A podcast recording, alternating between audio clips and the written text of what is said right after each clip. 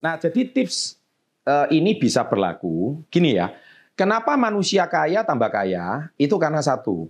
Manusia kaya itu dia ketika sudah kaya raya, dia itu pasti hemat kalau belanja.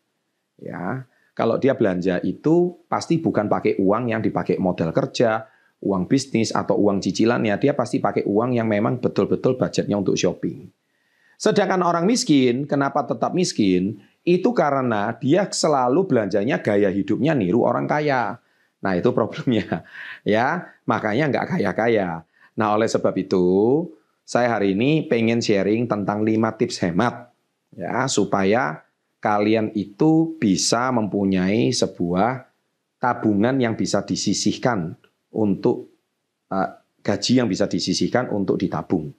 Ingat, orang kaya menyisihkan untuk ditabung.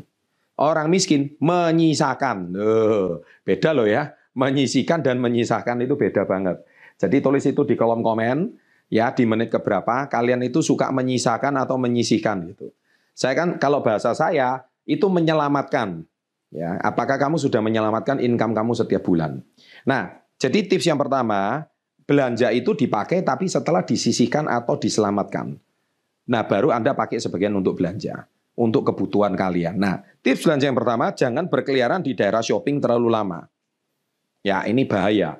Apalagi kalau Anda itu sudah lihat diskon gitu ya. Wah, pengen semuanya dibeli. Jadi beli yang nggak perlu dibeli.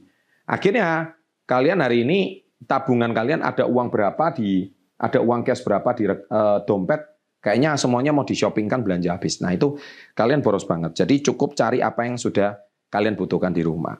Ya, jadi ini tips yang income di bawah 3 juta ya. Kalau di atas 3 juta sebenarnya hampir sama prinsipnya. Kalau Anda itu kalau income di atas 5 juta, 10 juta, 20 juta, biasanya kalian itu cenderung lebih uh, ngelos ya atau belanjanya itu lebih suka ah toh duitku masih banyak kok, tidak masalah. Tapi eh, sekali lagi prinsipnya mereka tuh belanja yang butuh.